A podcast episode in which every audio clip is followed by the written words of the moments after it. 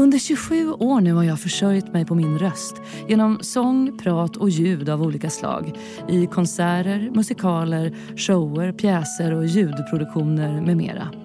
I fyra år har jag tänkt på att jag vill göra den här podden, Din röst, med fokus på rösten som verktyg, instrument, möjlighet och skyldighet. Jag hoppas att ni får med er något nytt i varje avsnitt som alla kommer vara helt olika, både vad gäller längd och innehåll och val av gäst. Jag heter Sanna Martin. Välkomna, nu kör vi!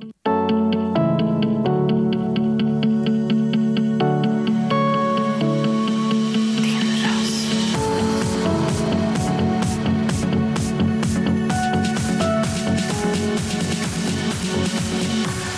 Din röst. Men Göran Hägglund, varmt välkommen till min podd Din röst. Tusen tack för det. Jättekul att träffa dig. Jag vill alltså göra en podd om hur vi använder våra röster. Eh, om rösten som kommunikationsredskap och ansvar och rösten och dess makt. Och inte minst eh, med vår röst som i rösträtt eftersom det faktiskt är mindre än ett halvår till nästa val. Nyckeln för att lyckas handlar om att kortfattat kunna leverera budskap som människor tar till sig. Gärna med antingen en formulering eller humoristisk touch som gör att folk kommer ihåg det. Mästaren visar sig oftast i begränsningarna så det gäller att vara kort och koncis, har du sagt i en intervju 2016 i Resumé. Har du alltid tyckt att det varit roligt att tala inför folk, Göran? Verkligen inte. Nej. Eh, som, som barn var jag otroligt blyg.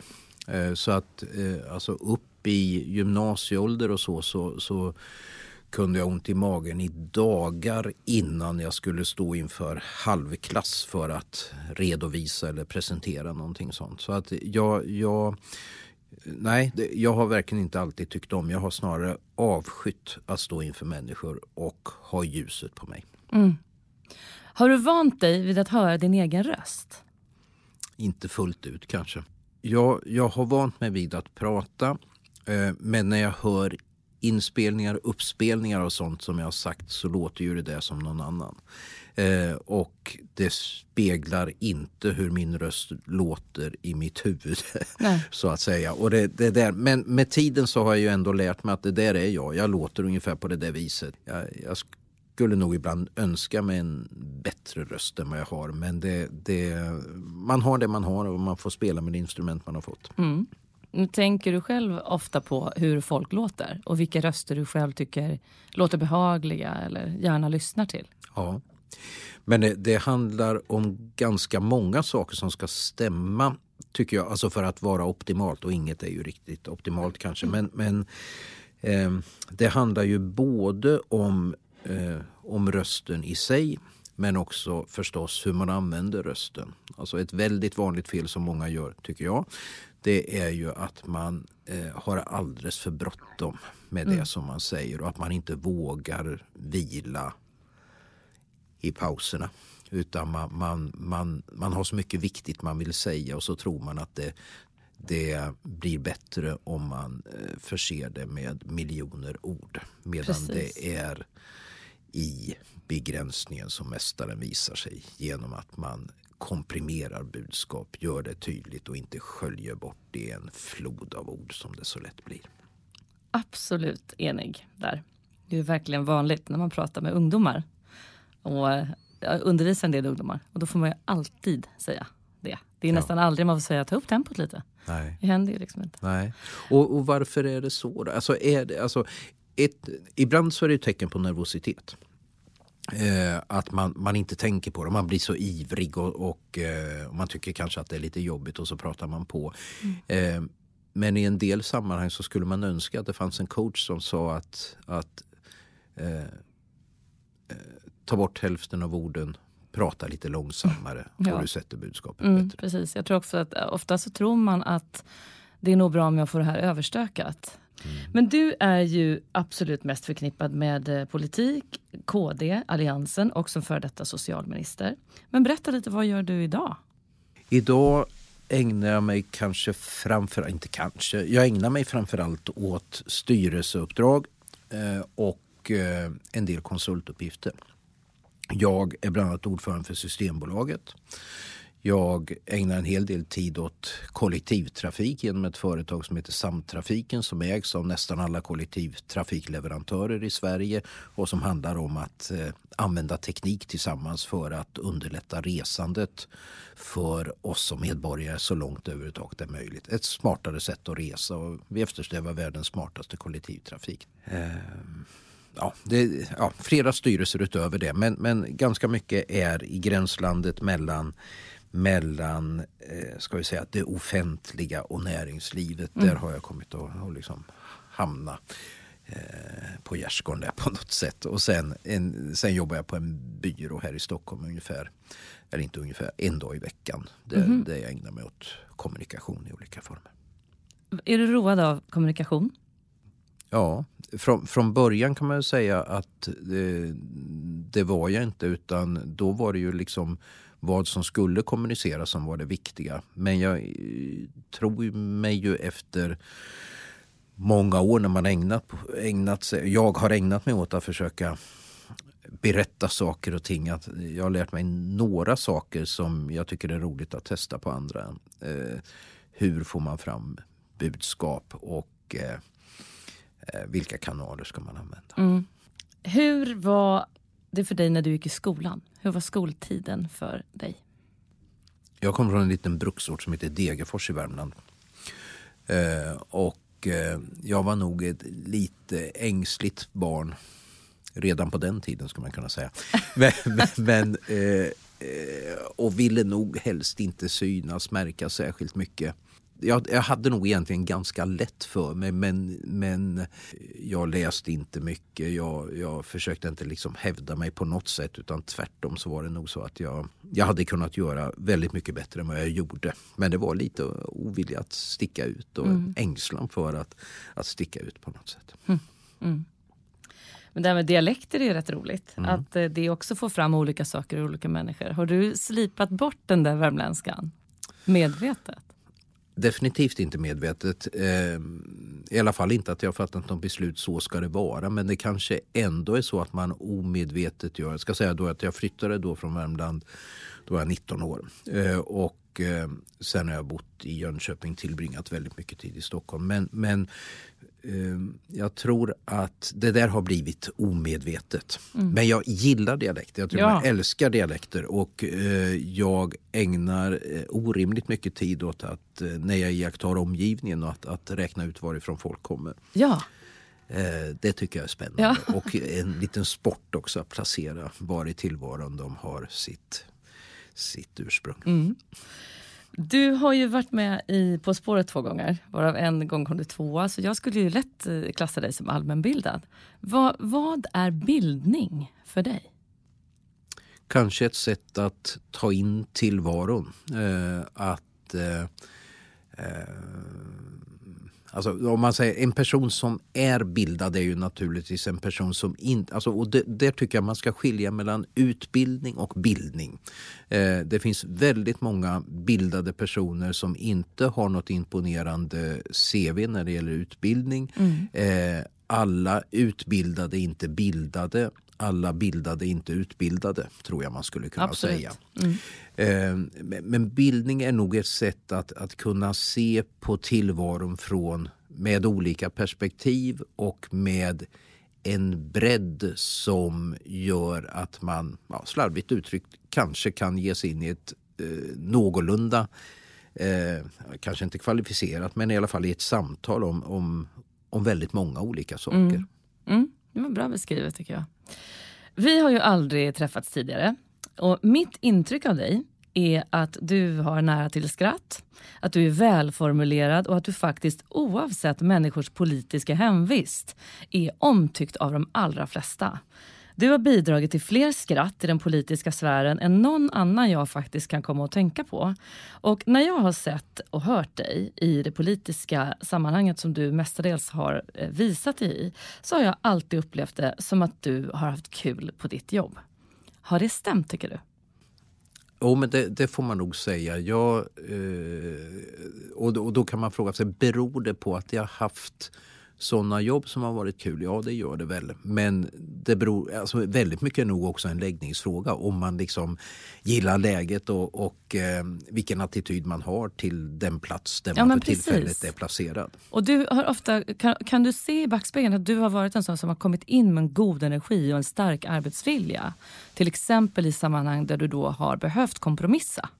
Ja, jag, alltså, jag, tror, jag är arbetsam i meningen att jag, jag, jag är inte rädd för att arbeta. Tvärtom, jag, jag tycker det, det är jätteroligt att arbeta. Eh, och, och jag har haft förmånen, ska man också då säga, att få jobba med väldigt roliga saker. Intressanta saker, lärorika saker. Och det är kanske min eller inte kanske, det är min viktigaste drivkraft egentligen att få lära mig nya saker. Och jag älskar att träffa personer som jag inte har mött förut men som är kunniga på sina områden och att få prata med dem och lära mig nya saker. Och, och så nä, nästan varje dag för mig tycker jag att jag, jag kan lägga något nytt till, till eh, min egen kunskap. Men nästan vad man än ägnar sig åt så, så är det klart att lite handlar om vilken attityd jag själv har till tillvaron.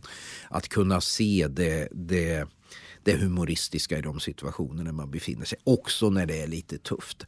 Eh, och att kunna skratta när det blåser motvind och hitta något roligt i, i situationerna. Och jag tror kanske att det här att ha lite distans till sig själv eh, är en väldigt viktig faktor i det sammanhanget. Kan man inte skratta åt sig själv då, då, då tror jag tillvaron blir, blir lite deppigare. Mm. Oh ja. Jag upplever, du var lite inne på det tidigare när vi pratade om hur vi talar. Att eh, Min upplevelse är faktiskt att du i debatter under din tid som minister och partiledare har haft ett något lugnare tempo när du har talat jämfört med ganska många andra. Och Det gör att jag kan tycka att mycket av det du har sagt faktiskt blev begripligt. Det är ett av mina favoritord här. Eh, vad tycker du själv kan vara formen för att göra sig själv begriplig? Vi är ju olika och vi har liksom olika verktyg i vår verktygslåda. Eh, och det, det kan säkert se olika ut. Men jag tror att, att den som är engagerad riskerar att bli eh, för ivrig när man ska berätta för omvärlden allt det fantastiska man vet.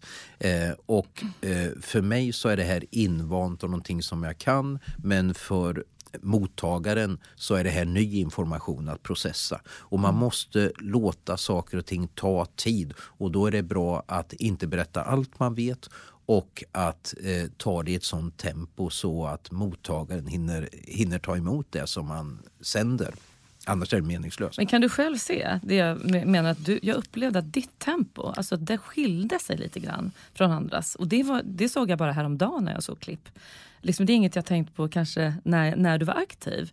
Men det slog mig nu, liksom, att gud det var ju så tyckte jag. Kan du minnas Nej, det, det, så? jag har nog inte tänkt på det Nej. så mer än att jag när jag förbereder mig eller kanske i rollen där man talar som kan vara en, en, ett tal eller en, en de, debattsituation så, så vill jag nog eh, slå ner lite på takten för att jag tror också att det är så att, att det blir ett, ett visst mått av eh, om man får säga så, ett visst mått av auktoritet i det som sägs lite långsammare än det där orden bara sprutar ur. Mm, definitivt. Och jag tänker ibland på hur, hur människor upplever, det kan vara politiker men det kan också vara andra företrädare för, för viktiga, eh, ja, i viktiga sammanhang, hur de, de kommunicerar. En del, eh, en del lyckas verkligen få fram ett, eh, ett tydligt budskap.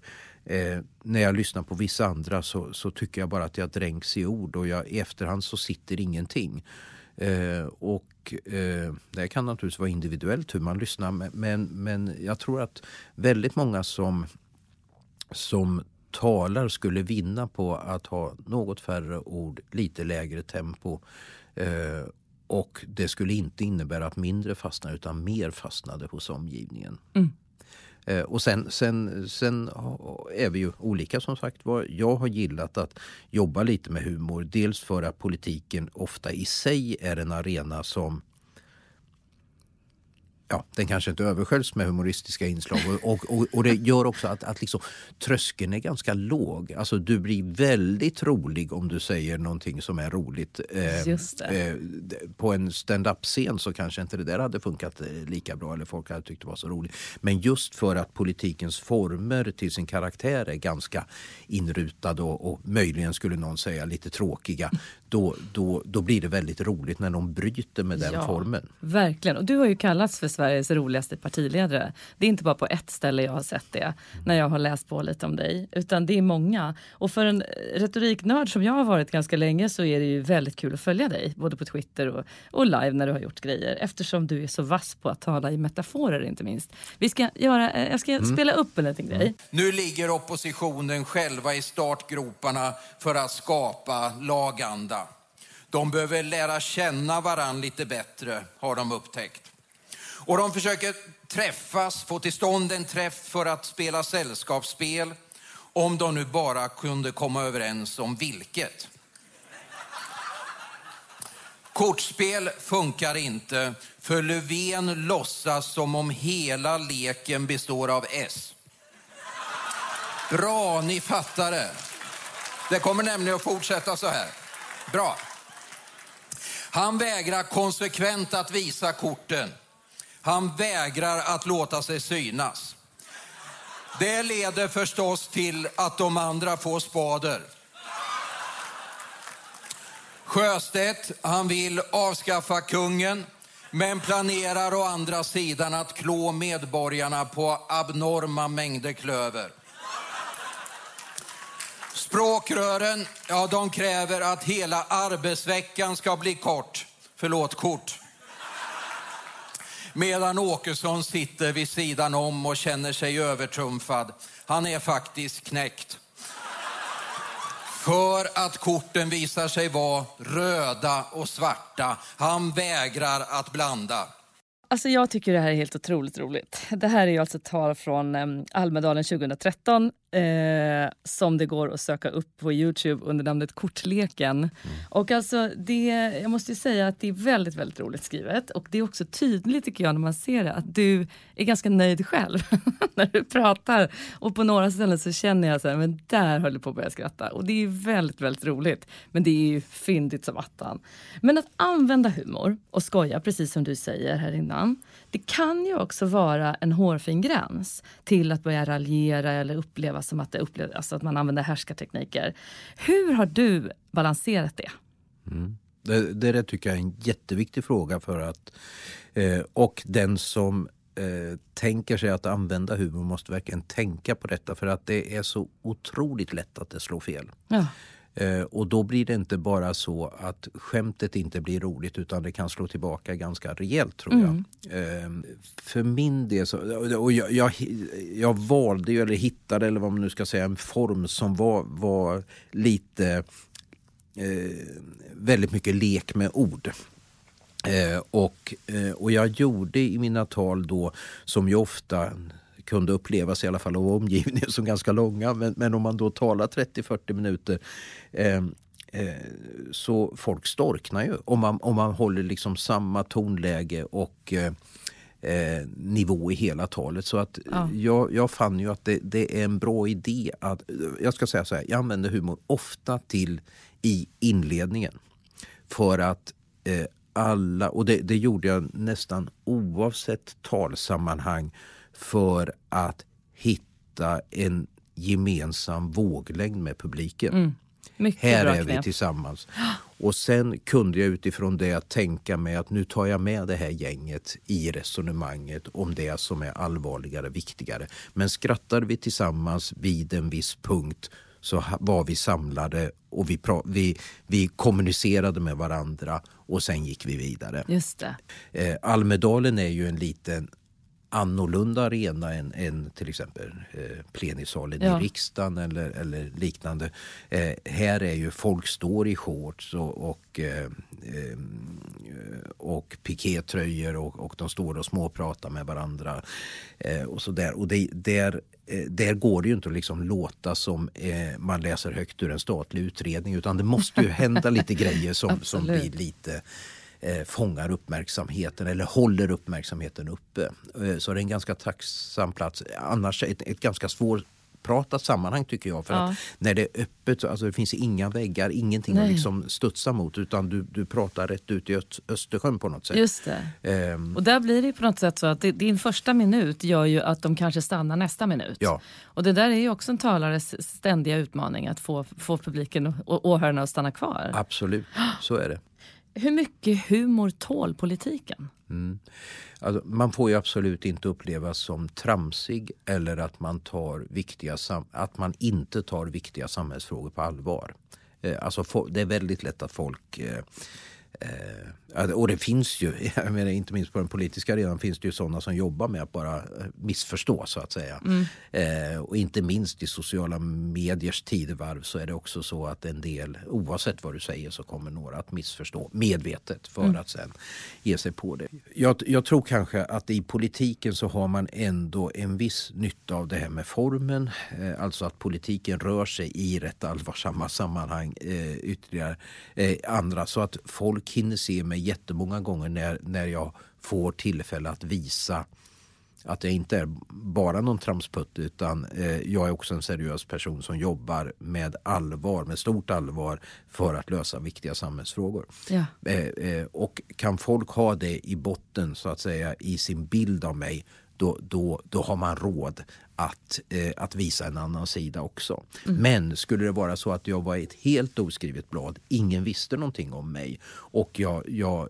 enbart fyller så att säga, det tomma glaset med, med skämsamheter, då kommer jag inte framstå som en seriös politiker. Nej. Utan det måste nog finnas en fond som jag har byggt upp i någon slags trovärdighet. Ja, om jag inte ska riskera att hamna i den där eh, narrrollen så att säga. Hur började ditt politiska engagemang?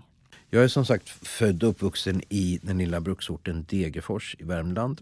Eh, och eh, mina första steg togs nog genom engagemang i eh, miljösammanhang eh, för en miljögrupp och för Amnesty International där vi jobbade för, som Amnesty gör, mänskliga fri och rättigheter. Och vi startade en liten, liten arbetsgrupp där i i Degerfors som, som, ja, som man då gjorde. Skrev vykort till makthavare för att, att påpeka det orimliga att, att personer fängslades för att de hade eh, vissa åsikter eller att eh, man hade engagerat sig fackligt eller vad det nu kunde vara. Eh, och sen efter ett tag så tyckte jag väl, och det låter ju möjligen pretentiöst, men, men att, att eh, ska man kunna åstadkomma någon förändring så, så handlar det faktiskt om politik. Eh, och eh, jag läste, eh, det låter ju helt knäppt också, men jag, jag, jag läste alla partiers eh, program och ställningstaganden. Så att jag, jag, jag landade då på att jag var kristdemokrat. Och det kan jag ju säga att det, i, i Degerfors så var det förhållandevis udda. Det fanns några som inte var kristdemokrater där. Det vill säga, jag, vi, vi var inte många. Ehm, men, men det var väl också lärorikt eh, och bra. Men sen, men sen hamnade det ganska snabbt i, i sammanhang när jag träffade likasinnade på andra håll i, i landet och man märkte att man inte var ensam som man var i Degerfors. Utan det, det fanns flera eh, med de här underliga böjelserna. Ja, sen gick det bara utför. ja, för det var en av mina ja, frågor. Ja. Just för att jag själv är en ambivalent väljare. Mm. Trots att jag är påläst och intresserad så är det mm. inte alls självklart för mig vart jag ska lägga min röst. Och jag är 47 år. Och så har jag upplevt det alltid i stort sett. Men eh, landade du då som ung ganska snabbt ja. i där du har stannat? Ja, men, men man kan ju för sig säga att tiden har förändrats i någon mening också. Att de ställningstaganden som jag gjorde när jag var 18 år eller så, det, det är ju inte samma idag. Eh, utan eh, jag har ändrat ganska många positioner och, och, man ska väl också säga att eh, det skulle vara förfärligt om man hade precis samma uppfattning idag som när man var, var 20 till exempel. Ja. Eller, eller så. Eh, och, eh, och en del och poängen med val är ju att fånga de stämningar som finns. Och att du tycker annorlunda idag möjligen än vad du gjorde för fyra år sedan. Det är ju sånt som ska ge utslag i val. Det är ju sånt vi, vi fångar upp så att säga ja, i valen för att kanalisera en ny politisk inriktning utifrån mm. vad du tycker och tänker idag. Men när du nu har fått lite distans, mm. du mm. avgick ju 2015 mm. som partiledare och eh, eh, när du har fått distans nu kan du ändå känna att du är road och följer det politiska väldigt nära och, och ja, med stort intresse? Ja, det, det kan jag absolut säga. Jag, jag träffade i något sammanhang Maria Wetterstrand som, är, som var eh, språkrörs... Eh, ja, ett av språkrören i Miljöpartiet under ganska många år. En väldigt, väldigt duktig politiker. Hon berättar för mig att hon, hon står inte ut, eller kan inte känslomässigt klara av att följa en partiledardebatt på tv. Alltså det, det, det är för jobbigt att göra. Och då, då handlar det inte om vad, vad, de gör utan det väcker känslor i henne som påminner om hur det var och att det, det var väldigt jobbigt. Eh, för min del så eh, jag, jag ser alla partiledardebatter. Ja, jag, följer, ja, jag följer utfrågningar av, av, av, eh, av politiker, partiledare nu på SVTs 30 minuter till exempel. Och, så. Ja. Eh, och gör det med intresse. Och iakttar naturligtvis på ett lite annorlunda sätt än vad jag gjorde när jag stod mitt i det själv. Alltså jag kan höja mig lite grann över, över mina egna ställningstaganden och lyssna på ett lite annorlunda sätt och se saker och ting som jag kanske inte såg tidigare på alltså just eh, framförande mm. och, och sådana saker. Som... Alltså jag satt för ett par veckor sedan och jag måste bara nämna det. Då satt jag och tittade på ett klipp från en partiledardebatt om man nu ens kan kalla det det, från 1976. Och det var så lugnt och det gick så långsamt och de här herrarna, för det var ju bara herrar då, mm. mm. de liksom eh, de tackade varandra där och de pratade så långsamt. Och det var ju liksom, fanns ju inte en tillstymmelse till liksom, upprördhet. Eller, och jag kan inte såklart säga att det på alla sätt är att föredra vid varje tillfälle. Men det är ju onekligen så att det är lättare att få fram och förstå vad var och en tycker. Den här podden produceras i samarbete med Elgiganten. Elgigantens hjärtefråga grundar sig i att ingen ska hamna utanför. Mer specifikt vill de motverka det digitala utanförskapet som drabbar allt fler. Teknik och digitala verktyg skapar fantastiska möjligheter men konsekvenserna av digitalt utanförskap har blivit allt tydligare. Inte minst under pandemin när arbete, studier och socialt umgänge till stor del ägde rum digitalt. Elgiganten genomför årligen en rad olika insatser för att motverka problematiken som drabbar många i vårt samhälle. Till exempel får Elgigantens medarbetare själva nominera olika organisationer och initiativ som de ska stötta. Under de senaste åren har de bland annat bidragit med uppkoppling och surfplattor till äldreboenden, julklappar till barn och familjer som lever i ekonomisk utsatthet och produkter som förenklat tillvaron för sjukvården under pandemin. Vill du veta mer om Elgigantens arbete för att minska det digitala utanförskapet? Besök elgiganten.se. Och jag tittar gärna på partiledardebatter men jag förstår jätteväl de som inte orkar. För det mm. har ju hänt någonting. Ja. Det är hetsigt och det är, det är svårnavigerat tycker jag. Mm. Hur tror du att man skulle kunna göra debatttillfällena roligare för tittarna och lyssnarna? Mm. Jag tycker att det där är väldigt svårt. Eh, för det där har vi ju varit alltså, i tidigare roller i dialog med till exempel SVT och Sveriges Radio och så här för att diskutera upplägget av debatter. Eh, debatterna i riksdagen har jag varit med på hundratals timmar av överläggningar om hur de ska mm. finna bästa former och man har prövat väldigt många olika metoder. Jag ska försöka sätta fingret på på alltså man kan ju säga i politiken så finns det ju en annan dynamik eller annan utgångspunkt än vad det gör i många andra sammanhang. Eh, om vi träffas i andra sammanhang så går det ofta ut på att, att vi ska hitta det som vi har gemensamt i politiken så går väldigt mycket ut att hitta det som skiljer oss åt, mm. exponera och exploatera den skillnaden och förklara varför just min position är mycket bättre än din. eh, och det är ju själva politikens ja. drivkraft att, att, att åskådliggöra skillnader och eh, eh, och en del av, av, av, demokratins grund. Alltså vi, har, vi har hamnat i ett läge där, där det är ofantligt mycket lättare att i opposition, och nu pratar jag oavsett partifärg, mm. att kritisera än vad, alltså, jag tänker ofta att rollen hade kunnat vara precis ombytta och då hade, hade den andra stått och skällt på att det går för långsamt eller är för lite eller vad det nu är. Eh, Eh, och, eh, men är oturen framme så vinner man ett val och då sitter man själv som ansvarig för någonting som inte är så himla lättpåverkat eh, i politiken. Det, vi vet ju att även om vi stiftar lagar så kanske inte hela tillvaron rättar sig efter den lagstiftarens intentioner och så vidare. Saker och ting blir inte riktigt som man har tänkt och, och, och, och många anpassar sig till en ny situation och hittar andra sätt att, att göra det som de gjorde innan den här lagstiftningen kom till. och Så, där. så att det, det är svårt med, med politik eh, och även om du vet vad du vill så är det svårt att få det genomfört. Eh, även om du sitter vid makten. Mm. Eh, och du kommer alltid att ha en opposition som tycker att du är värdelös. Ja. Det, det, det, är ganska svårt Det är så det är. Ja. ja. Men du valdes in i riksdagen 1991. Då var mm. du 32 år. Mm. Du blev gruppledare väldigt snabbt för ert parti. Mm. Hur skulle du beskriva den första tiden? Mm.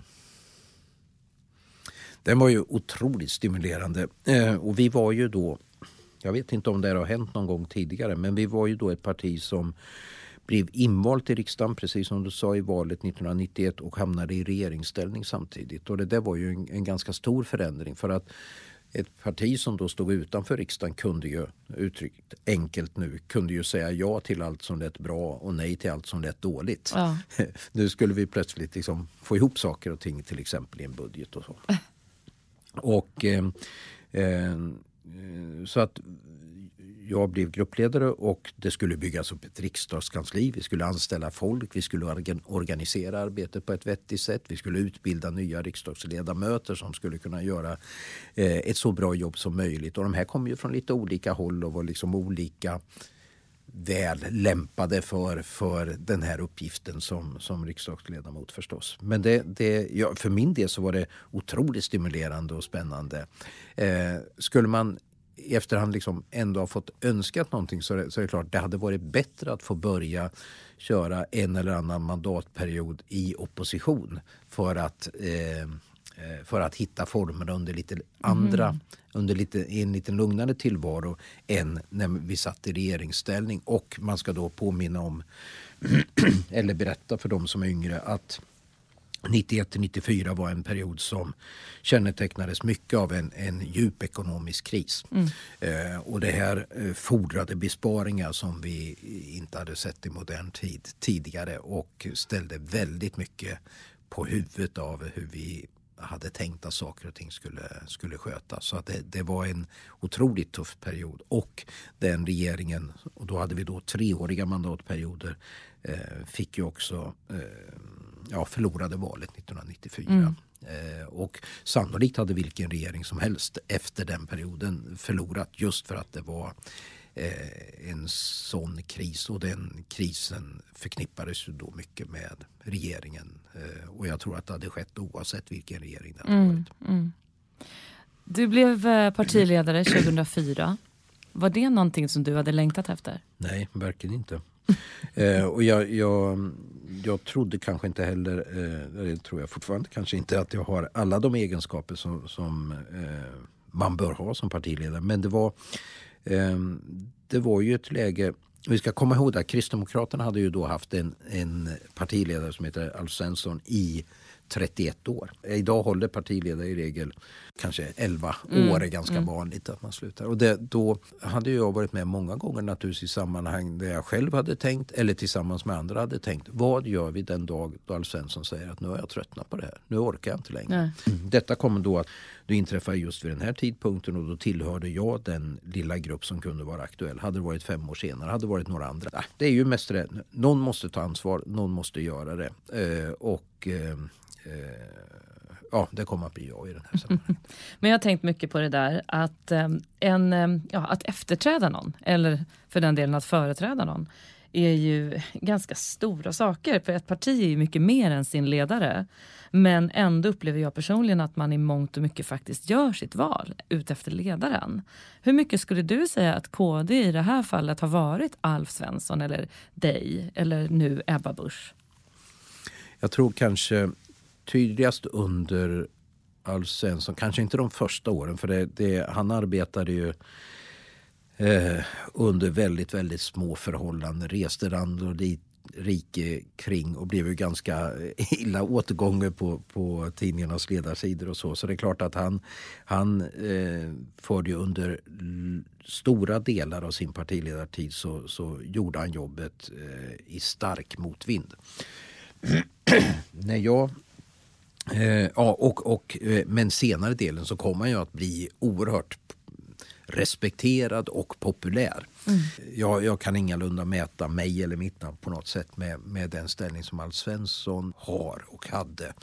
Mm. Um, men det är svårt att efterträda någon annan för att folk förväntar sig att det ska vara ungefär på samma sätt. Medan uh, i det här fallet alldeles särskilt förstås när det var 31 år. Då har saker och ting hunnit förändras väldigt mycket. Till ja. exempel när det gäller uh, hur man leder ett parti eller hur, hur, hur ett parti eh, fungerar. Och det mm. där har ju naturligtvis då tidigare ledare, Alf Svensson i det här fallet då, förändrat allt eftersom. Men det där ska man då ta sig an som nybliven partiledare och då är det ganska mycket som, som förändras och blir annorlunda. Och bara att det är en annan röst så att säga från kaptenshytten låter ja. ju, blir, blir ju eh, en spänning men också ska man säga en möjlighet i ett parti. Eh, det skapar spänning. Du, du får eh, väldigt många möjligheter som ny partiledare att visa upp dig för att journalisterna är intresserade mm. för man vill visa vem, vem är den nya, nyvalde ledaren och han eller hon får tillfällen att presentera sig också.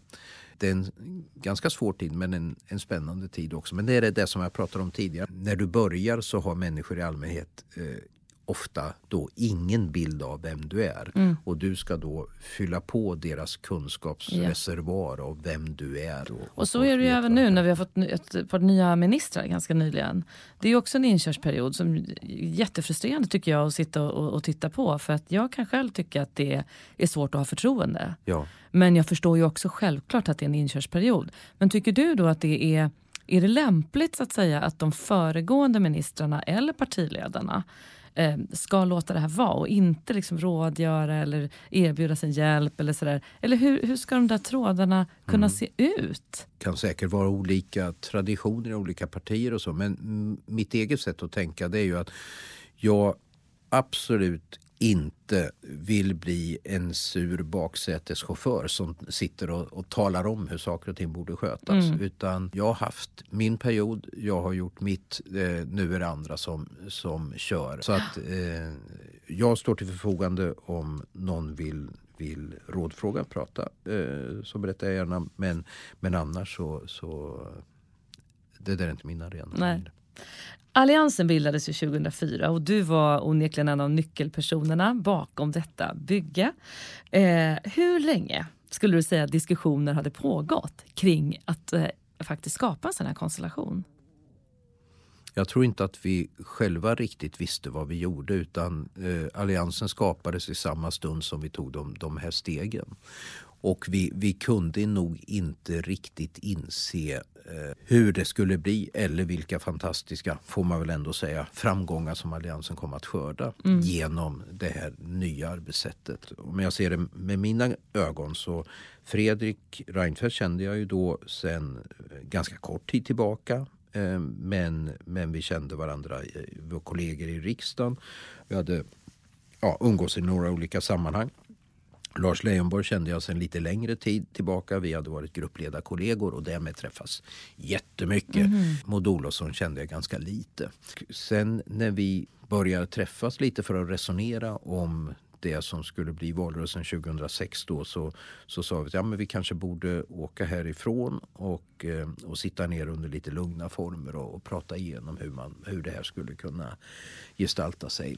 Eh, och då var ju första träffen eh, hos Maud Olofsson eh, eh, och då är vi i Västerbotten. Och det där kommer ju att bli ett medialt uppmärksammat tillställning mm. av rejäla mått som vi inte kunde föreställa oss att det skulle bli eller inte hade planerat för. Och hur kunde det hända? Hur kunde det bli det?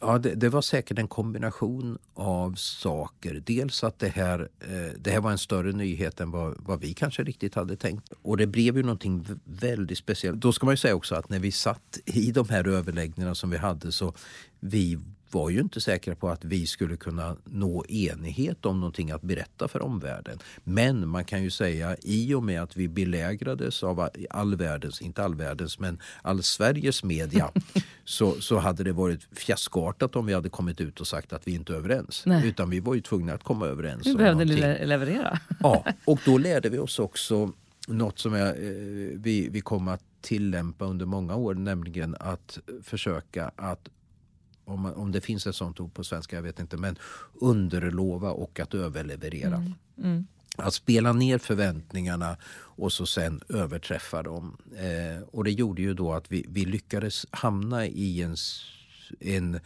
positiv mediaspiral som, som gav oss väldigt mycket extra och positiv får man säga PR under, under ganska lång tid. Mm. Och det här, det här hade ju inte kunnat hända utan att vi hade haft en situation där eh, den minnesgoda kanske kan erinra sig att, att Socialdemokraterna hade då suttit i makten eh, sen valet 1994.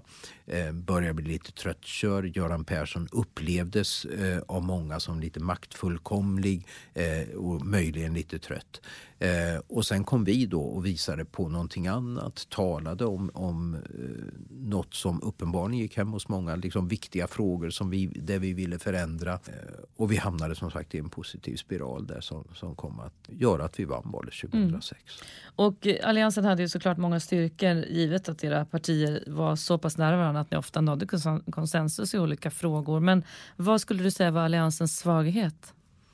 Ja, eh, svagheten låg kanske också i, i, i det som var styrkan, nämligen att vi, vi kunde enas. Men det gjorde ju också att innan vi enades så hade vi ju flera olika uppfattningar eller åtminstone nyanser i beskrivningar av samhällsproblem och förslag till lösningar. Då kanske det fanns fyra olika förslag till lösningar och då kunde vi ju fånga in ganska många av väljarna eh, som kunde identifiera sig med någon av våra beskrivningar. I takt med att vi presenterade mer och mer gemensam politik så kom det också att bli bli en smalare bild av vad vi ville. Alltså fyra partier ville mer än vad Alliansen ville mm. gemensamt när vi hade kompromissat. Samtidigt så, så, så manifesterade vi ju också en förmåga att lösa samhällsproblem som, eller komma överens, som också kommer att bli eh, viktiga fjädrar i, i allianshatten under de här åren. Mm. Eh, och, och då ska man komma ihåg också att vi de borgerliga partierna hade ju under många år förknippats med en bild av att vara spretiga eller att inte kunna komma överens och att det var sprickor i borgerligheten och så vidare. Mm. Vi stod för någonting annat. Vi liksom var väldigt mm. samarbetsinriktade, kompromissvilliga eh, och kom överens. Och där, mm. det där tände hopp hos väldigt många människor. Mm. När du nämns så nämns förutom din humor, som nämns alltid upplever jag när man pratar om dig, eh, så nämns det även ofta att du ses som en sann reformist som fått igenom rekordmånga reformer. Skulle du säga att du håller med? Är du förändringsbenägen? Absolut, det är jag. Det knepiga är inte att komma på grejer att ändra utan att kunna ändra dem mm. och att, att liksom kunna få igenom förändringar. Eh, och att vara klok i, Eh, i förändringens stund. Så att säga att välja rätt tillfälle, att gapa över lagom mycket. Eh, det finns alltid en risk att man, man, man väcker många björnar när man ska förändra. Och som Machiavelli pratar ju om, om det här med att, att alltså de som vinner på en förändring är ofta ganska ljumma inför den här förändringsprocessen medan de som är förlorare de brinner av iver att stoppa förändringen. Mm. Eh, och det där eh, tror jag är en viktig lärdom. Vad jag tycker också är något som för mig spelar en jättestor roll och som jag tycker det vore bra om många i politiken tänkte på. Eh, det är det här att den som talar om precis hur den förändring som man gör kommer att förändra allting till det bättre tala mot bättre vetande. eh, alltså är det så att det är ett samhällsproblem och man har ett förslag till förändring eh, så när man genomför den så tror jag att det är väldigt klokt att säga att eh, eh nuvarande ordning fungerar inte bra. Mm. Eh, vi behöver ändra på den av de här och de här skälen. Eh, vi, vår idé om förändring ser ut så här och vi gör det eh, på det här viset och vid den här tidpunkten. Men eh, sen ska man vara väldigt ödmjuk i det och, säga, och kommunicera det också. Att vi vet att när förändringen sker så kommer vi att lära oss många nya saker. Och vi, vi, det kommer att uppkomma en massa oväntade effekter som vi kommer att behöva parera. Mm. Så det, det, en förändring gör man inte en gång utan Nej. det är en nästan ständigt eftervårdande som måste ske för att saker och ting ska bli någorlunda vettiga till sist. När du tänker på svensk politik idag och betraktar så som du numera gör, vad skulle du säga att du stör dig mest på? Jag säger inte att det har inträffat sen jag lämnade, verkligen inte. Men, men det som jag har svårast för det är alla eh, rasande enkla svar på väldigt komplexa frågor. Eh, I regel så är det så att komplexa frågor kräver komplexa svar. Men, eh, och vi vet att ofta så gynnas den som har ett enkelt svar på en komplex fråga framför den som har mer komplexa svar.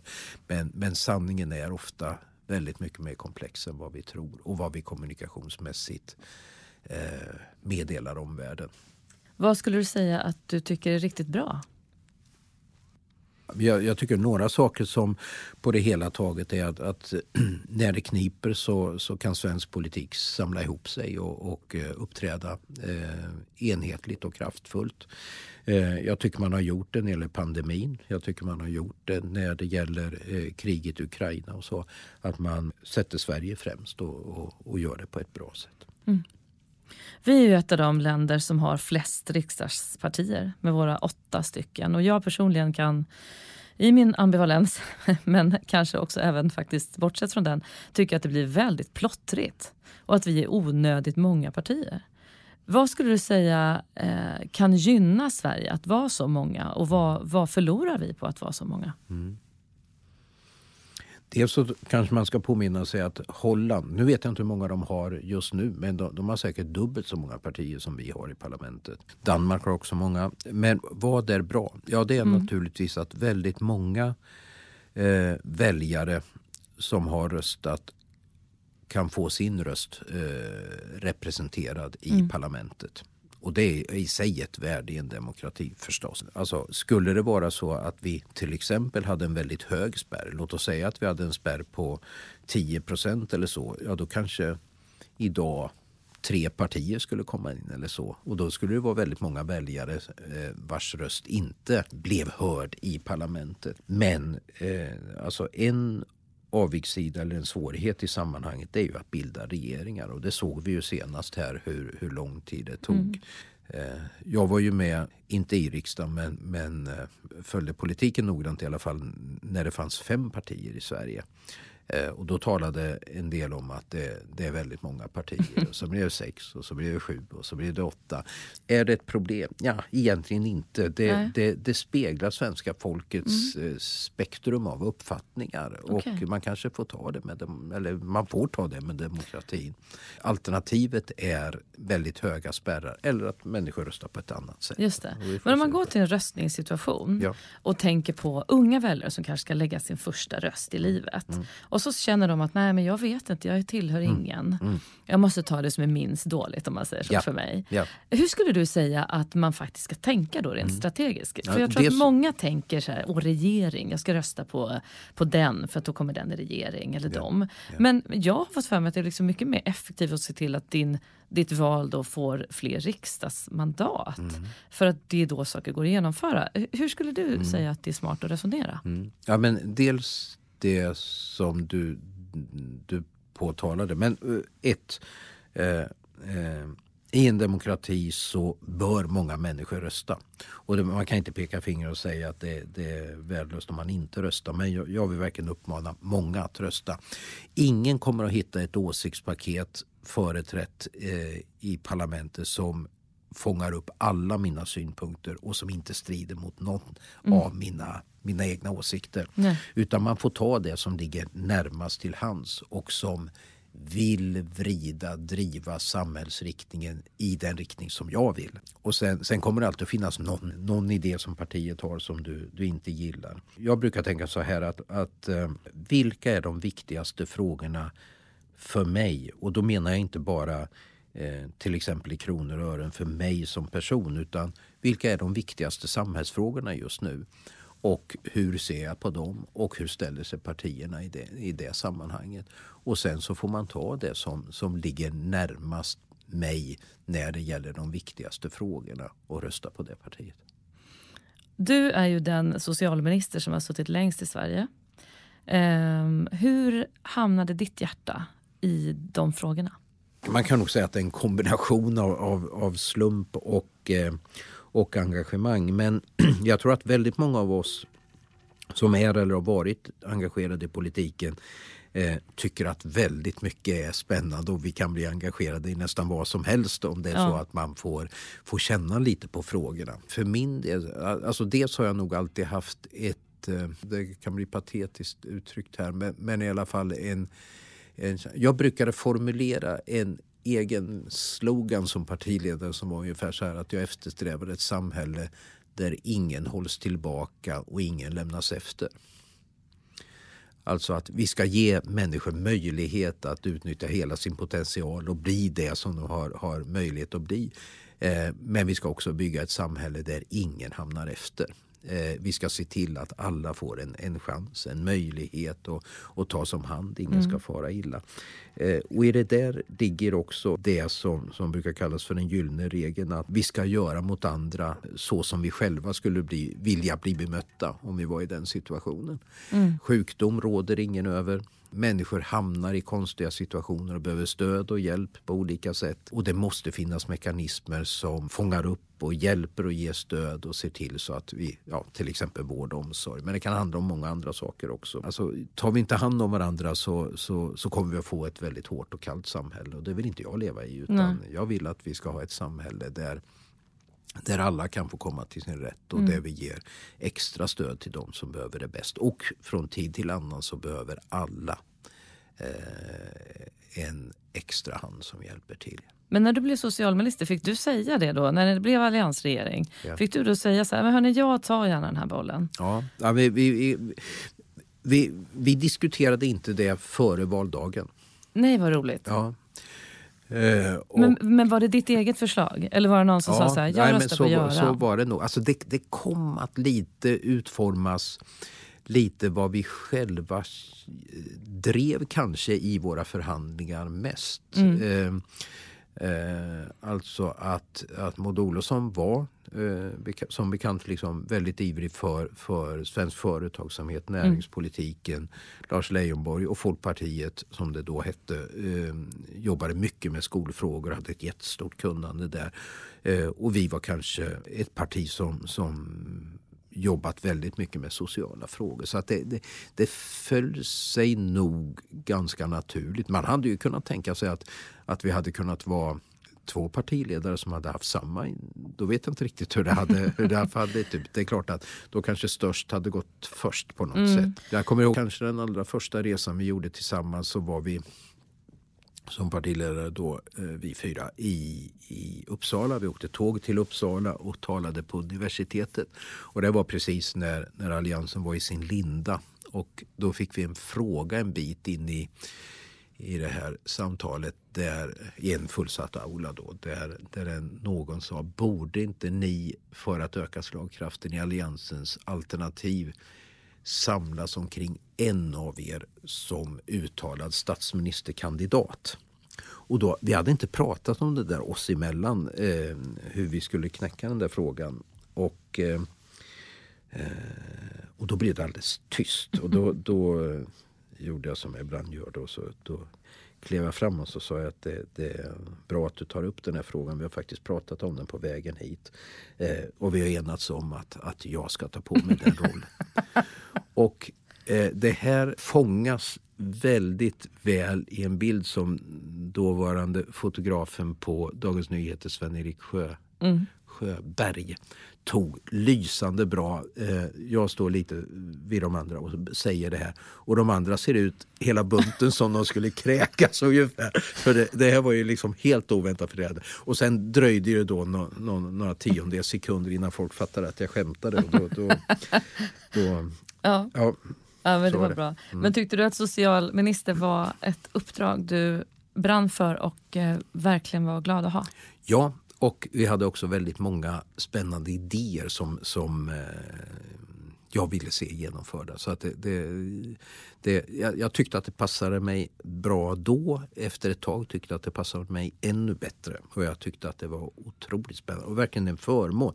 Jag menar, det, det, det är ju det här är ju inte ett jobb egentligen. Att vara partiledare och samtidigt minister det, det, det innebär att du fyller nästan all din vakna tid med arbete. Och att du när som helst kan bli uppringd och det ställs frågor om vad som helst av eh, ja, som inte alltid är liksom kärleksfullt formulerat mm. utan, utan enskilda människor eller journalister som mm. håller på med någon som det brukar heta granskning och sådär. Mm. Um, så du lever med det här jämt och ständigt. Men det, det är samtidigt otroligt stimulerande och det är svårt att se någon uppgift som, som är mer spännande egentligen. Men är det värt det? När jag tittar i de här siffrorna jag hittat, mm. att du kom in 91 ja. och sen blev du partiledare 2004 och så satt ni i regering. Ja. Du kan ju inte ha haft många dagars semester på 20 år. Ja, det... det, det eh, om inte min fru lyssnar skulle jag säga jo då. Nej, men jag kan ju bara ja, ana. Ja, jag, jag, vet ja. ju lite hur det är. Att det, nej, ni kan inte vara lediga när ni vill. Och det nej, kan ringa och det kan hända grejer i världen. Absolut, och... så är det. Och när man har planerat någonting med vänner eller, eller har lovat att man ska hemma med familjen och sådär så, så ringer en medarbetare på morgonen och säger nu genomför Dagens Nyheter den här granskningen. De vill ha en intervju om det här. Och så säger man att lägg det så sent som möjligt eh, med tanke på deras pressläggningstider så att jag hinner läsa in mig och sen mm. så, och så förstörs den dagen så att säga. Men det, det, det då, då, ska man säga två saker. Det, det, ena är att man måste vara överens i familjen om att det här liksom är, är hållbart och, och, och funkar. Och sen det andra det är att eh, det, det, är så mycket spännande, intressant, lärorikt eh, att det eh, skulle jag säga är värt det. Absolut. Mm. Nu ser det ut som att du eh, högst troligt kommer bli nästa ordförande i Cancerfonden. Hur kommer detta sig? För min del så handlar det om... Ja, jag har svårt att, att, att se någon uppgift som, som kan kännas viktigare, mer meningsfullt, angelägen att ägna mig åt. Det här är ju, är ju inget, inget arbete utan det är, det är ett uppdrag. Eh, och att leda styrelsen handlar ju inte om någon, någon heltidsuppgift på, på långa vägar. Men, men jag ser det som jätteviktigt. Ja, och, och cancervården har gått framåt på ett så fantastiskt sätt så att det där vill jag gärna vara med om. Att, att eh, försöka bidra till ytterligare. Cancerfonden samlar ju in eh, medel från många, eh, många frivilliga, eh, alltså gåvogivare, företag, eh, enskilda Eh, och satsar eh, förra året tror jag i storleksordningen 850 miljoner kronor till olika riktade kan, eh, forskningsprojekt för att bekämpa cancer och hitta nya vägar. Jag har många vänner som, som har gått bort i cancer, många som har varit sjuka i cancer, allvarligt sjuka i cancer. Eh, men jag ser att allt fler överlever, allt fler blir helt botade. Eh, det går framåt och jag vill gärna vara med om jag kan i någon liten utsträckning bidra. Vilka utmaningar skulle du säga att demokratin i världen och i Sverige främst har idag? Och det är en stor fråga. En är att eh, på något sätt återupprätta sanningen. Så i en tid när Hoola Bandoola sjöng ju en gång Vem i hela världen kan man lita på? Mm.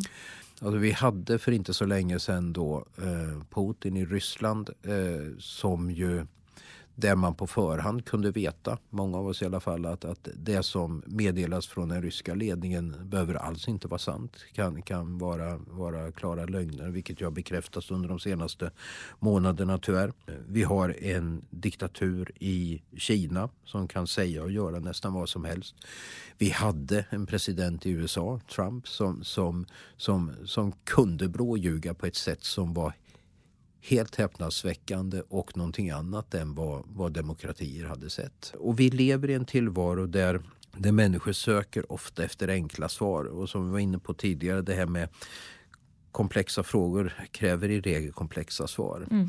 Men, men vi som människor söker ofta efter de enkla lösningarna och i det så finns det en risk att man går, går rejält vilse. Vi behöver upprätta liksom sanningen eh, och en tillit till varandra. annars så, så, så, finns det så mycket som verkar i fel riktning just nu när mm. det gäller eh, när det gäller demokratin och det demokratiska samtalet. Hela min, min levnad så, så har jag nästan alltid kunnat säga till för inte så länge sedan att det kan vara bakslag men men riktningen har ändå varit åt rätt håll hela tiden. Alltså färre människor svälter, eh, fler människor får utbildning, hälso och sjukvård utvecklas och förbättras. Nästan allting blir bättre hela tiden. Mm. Eh, just nu så, så kastar ju inte minst då kriget i Ukraina men också också det här att, att allt färre har svårt att skilja mellan demokrati och diktatur en, en dystra skuggor över vår tillvaro. Det är så mycket som är viktigt sa du innan. Att är man i regeringsställning eller eh, om man ens bara är en hyfsat engagerad medborgare så kan man ju tycka att liksom allt det här ska vara viktigt. Det är, cancervården är jätteviktig och, och liksom finanspolitiken är jätteviktig och skolan och allt är viktigt. Men en sak som jag eh, och många med mig tycker har fallit i skugga lite grann, inte minst i borgerliga regeringar, det är ju kulturen. Hur skulle du önska att man kunde lyfta kulturfrågan? Det är en jättebra fråga och en stor fråga och en fråga som inte bara eller kanske ens främst är en politisk fråga. För väldigt mycket av kulturen sker ju i mötet mellan människor mm. eh, på en helt frivillig grund så att säga. Eh, men det är väldigt viktigt att det finns en klar tydlig och, om man kan använda ett sånt ord, generös kulturpolitik som till exempel säkerställer möjligheten för alla barn, var man än bor, att kunna få del av kulturen genom musikskolan eller dans eller teater, vad det nu kan vara. Jag tycker ofta att, att kulturpolitiken eller jag kanske kan säga så här att väldigt mycket av det som jag tycker är... Jag, jag, jag lyssnar nästan varje dag på på radions kulturprogram och SVTs eh, kulturprogram i, som följer omedelbart efter Aktuellt och, och sådär. Eh, jag tror att man skulle kunna göra det där mycket bättre och, och mer tillgängligt för, för väldigt många människor. Mm. Eh, mer, fler människor. Jag tycker ibland att det blir väldigt smalt och, och, eh, och elitistiskt på ett sätt som, som jag tror att man skulle kunna göra bättre om man vill bjuda in många eh, nu ska jag inte använda verklighetens folk, men, men många vanliga människor att öppna nya dörrar och få se vad som kan finnas där av, av nya upplevelser, vare sig det gäller musik eller bokupplevelser mm. eller, eller ballett mm. eller vad det nu kan vara. Man kan jag tror att många av oss som arbetar inom den världen har ju framförallt nu under pandemin också förstått att väldigt mycket av det som skapas i ord och toner och texter och, och föreställningar och konst och allt möjligt Eh, tas till väldigt hög grad för given av människor. Man tänker att äh, det gör inget att teatrarna är stängda, vi sätter på en film på Netflix.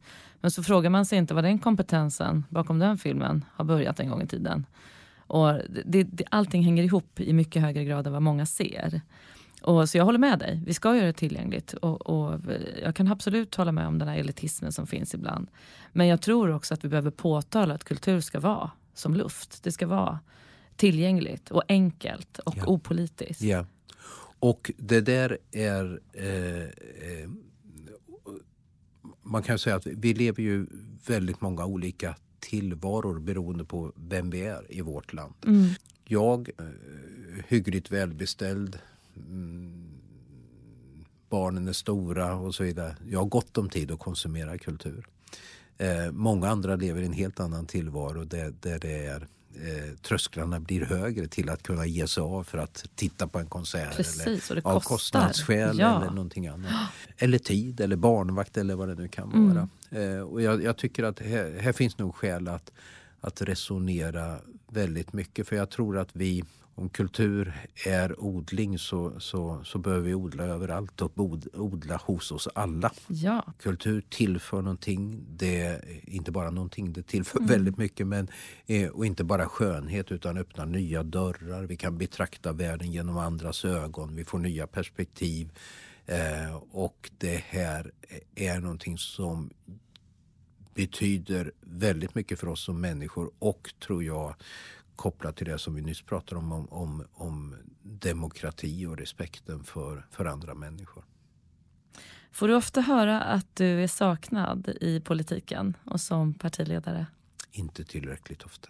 Jo, då. Nej, men det händer då och då. Det, det händer absolut att, att, att folk säger snälla saker på det viset. Men en del eh, är förmodligen sant. Eh, annat är att, att folk vill säga någonting och att folk är snälla.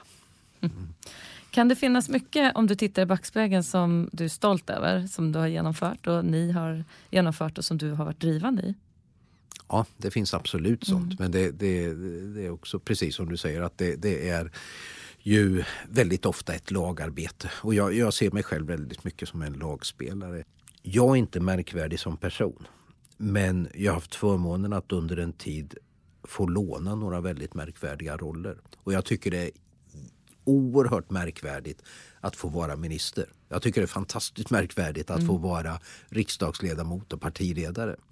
Eh, men det gör inte mig som särskilt märkvärdig som person för det. Och jag, jag, tror att det är jätteviktigt att kunna hålla den där distansen och att se att, att jag är en rätt vanlig människa mm. men jag har fått vara med om fantastiska grejer och, eh, eh, under en tid. Och det, det har, har gett mig otroligt mycket. Hur tror du att vi kan få fler unga att engagera sig i politiska och samhällsmässiga frågor framöver? Mm. Det saknas inte engagemang eller kunskap eller vilja. Men jag tror att vi kanske ibland skulle behöva säga att vi måste kompromissa. Eh, alltså det här som vi var inne på tidigare kanske att, att det här med åsiktspaket. Alltså du kommer inte att kunna få igenom, så länge, alltså politik handlar om att göra saker och ting tillsammans. Ja, tillvaron är, är väldigt mycket kompromiss och det kan låta tråkigt men det, det är ju så vi för saker och ting framåt. Mm. Eh, och eh, var inte så pickig utan, utan när det gäller gäller vala parti, eh, känn efter. Vilken riktning tycker du att samhället ska gå? Finns det något parti som, som artikulerar det som, som står någorlunda nära dig? Engagera dig, gör något. Eh, för att som sagt engagemanget finns där och kunskapen är ju större skulle jag säga än vad mm. den någonsin har varit. Eh, och partierna måste naturligtvis också göra sig tillgängliga för, för yngre personer på ett bättre mm. sätt än vad man har lyckats hittills.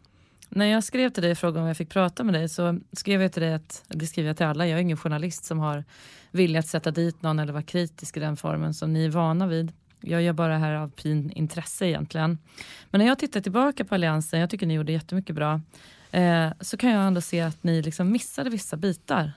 Jag kan tycka, och det har jag nämnt inför flera av de inblandade också, att jag tycker till exempel ni gamblade helt bort socialförsäkringsfrågan. Jag tycker det är eh, anmärkningsvärt att inte den fick större plats. Eh, att eh, det du säger, att alla ska med och allt det där. Eh, är man i en situation där man blir ofrivilligt fråntagen möjligheten att försörja sig på grund av sjukdom eller sjukdom i familjen eller någonting sånt så fungerar inte systemet idag. Eh, hur tänker du att vi skulle kunna se över den frågan? Jag har varit med så länge så att jag har alltså det finns alltid en kritik mot hur det är antingen för, för att socialförsäkringssystemet är för generöst eller för att det är för hårt så att säga. Mm. Snävt eller vad vi ska använda för uttryck. Eh, man ska komma ihåg då att när Alliansen kom till och det var faktiskt en av anledningarna till att Alliansen vann valet. Det var ju att vi hade en situation där väldigt många människor inte fick den stöd som de borde ha för att kunna Eh, komma tillbaka på arbetsmarknaden, att få rehabilitering och så vidare. Så väldigt många personer, eh, en del som jag känner som är, jag ska berätta bara en liten parentes. David Lega är idag EU-parlamentariker för Kristdemokraterna. Han, när han var eh, i, så att han var i ålder för att kunna komma ut på, på arbetsmarknaden så föreslog Försäkringskassan till honom att han skulle förtidspensioneras. Sen dess så, så blev han världsmästare i simning. Han studerar på universitet. Han har varit kommunalråd i Göteborg. Han har varit vice ordförande i Kristdemokraterna och nu sitter han i EU-parlamentet. En fenomenal person i många, många avseenden. Mm. Eh, och det där säger jag mest bara för att, att det har funnits en syn som är att man inte, inte tar i anspråk de förmågor som vi har. Mm. Det var det som Alliansen ville vända på eh, i en tid då när, när hundratusentals personer ja, utförsäkrades och, och inte kunde komma tillbaka på arbetsmarknaden eller blev förtidspensionerade. Eh, sen gjordes inte allt eh, perfekt förstås och det är det knepiga också i, i alltså när man skriver lagar att de ska uttolkas av tjänstemän som många, många gånger har en supersvår uppgift. Mm. Men de sitter med en enskild person framför sig och försöker tillämpa lagen och de intentioner som lagstiftaren har haft och ska, ska tillämpa det på ett sådant sätt så att det, det blir så bra som möjligt. Mm. Eh, men det, ibland kolliderar det på ett sätt som, som blir förfärligt. Mm. Du har ju vuxna barn. När de skulle rösta, pratade ni mycket om vad du ville att de skulle få med sig och tänka på sådär inför att de skulle lägga sin första röst? Nej, det kan man inte säga. Men de har å andra sidan blivit helt, helt marinerade i, i politik. Eh, I den meningen. Ingen av dem är engagerade politiskt men, men, men, eh, men har starka åsikter naturligtvis. Men, men nej, jag, jag tror de har nog fått sin beskärda del av, av politik. Vi ska börja runda av. Mm. jag har ett litet system sådär, där jag ibland skickar en fråga från en gäst till en annan. Ja. Men idag så ska du faktiskt få en hälsning här mm. från en person. Mm. Hej Sanna, det här är Nisse Landgren. Eh, jag har en fråga till Göran Hägglund. Hej Göran! Jag undrar, spelar du trombon fortfarande? Det gjorde du i alla fall hemma i Degerfors. Eh, så vi är på sätt och vis kollegor du och jag. Det vore väldigt roligt att höra. Ha det så bra. Hej då! Vad är det här för dold talang? Gött, och, gött att höra en degerforsare. Eller hur, jag mm. tänkte väl att du skulle tycka det. Mm. Nisse Landgren, han undrar om du fortfarande spelar trombon? Det var väldigt länge sedan jag spelade trombon. Eh, men det stämmer, i musikskolan i Degerfors så spelade jag trombon. Och där fanns i Degerfors som sagt var en fenomenal yngling då som, som hette Nisse Landgren som ju har kommit att bli jättestor på det här området. En fantastisk musiker verkligen. Oerhört stark. Känd mm. för sin, sin röda mm. trombon. En av de Degerforsare som, som eh, har gjort sig bemärkta. Eh, härlig person. Hans pappa eh, jobbade på järnverket i Degerfors, kunde ses det var korta raster sittandes med en liten kornett och tuta med i, i en skitig overall mot en tegelvägg. Men svaret är nej, du spelar ingen trombon? Nej, det, det, det, ingen, ingen skulle, skulle eh, om de hörde mig, skulle säga att han spelar trombon. Nej, nej, nej. Med. Då ska du faktiskt få eh, skicka vidare en fråga om du vill till min nästa gäst som är professor och barnonkolog Claes Blomgren från Nya Karolinska och Karolinska institutet. Då skulle jag vilja höra vad han har på önskelistan. Vad skulle han vilja se som nästa framsteg? Eller vad skulle han vilja se som nästa språng när det gäller barnonkologin där så mycket har hänt och ännu mycket mer kommer att hända. Bra. Är du orolig för världen? Ja, jag tycker att det finns väldigt många dystra tecken. Men det, det, samtidigt så är jag inte personen som, som liksom drar en säck över huvudet och, och eh, blir dyster för det. Utan det, det finns ännu mer att jobba för, eh, för att förändra. Men, men det finns mycket som, som går i fel riktning just nu. Och jag hoppas att vi, vi snart kommer i en tid när vi kan säga att skönt att det där är över, nu ser vi framåt och fortsätter utvecklingen i rätt riktning. Om du hade fått välja yrke igen, hade du då valt att bli politiker eller ståuppkomiker för att göra din röst hörd? Jag tänkte jättelänge bli polis. Det var, det var vad jag eh, egentligen siktade på som barn och ung. Jag vet inte vad jag egentligen skulle vara. Det, mitt problem är nog att jag är intresserad av väldigt mycket. Så jag, jag, jag, skulle ha väldigt svårt att välja om jag stod där idag och skulle välja vad jag, vad jag skulle ägna mig åt. Mm. Om du fick bli minister en gång till, vad skulle du då bli för minister och vad skulle du ta tag i direkt? Ja, jag, jag skulle nog, eh, alltså för att få kortast möjliga startsträcka så skulle jag nog eh, ändå vilja vara i så fall på socialdepartementet. Då skulle jag vilja ta ytterligare kliv när det gäller cancervården i Sverige. Hur vill du fortsätta göra din röst hörd framöver? Genom att, att försöka bidra i de sammanhang där jag kan göra någon liten nytta eh, och lära mig nya saker.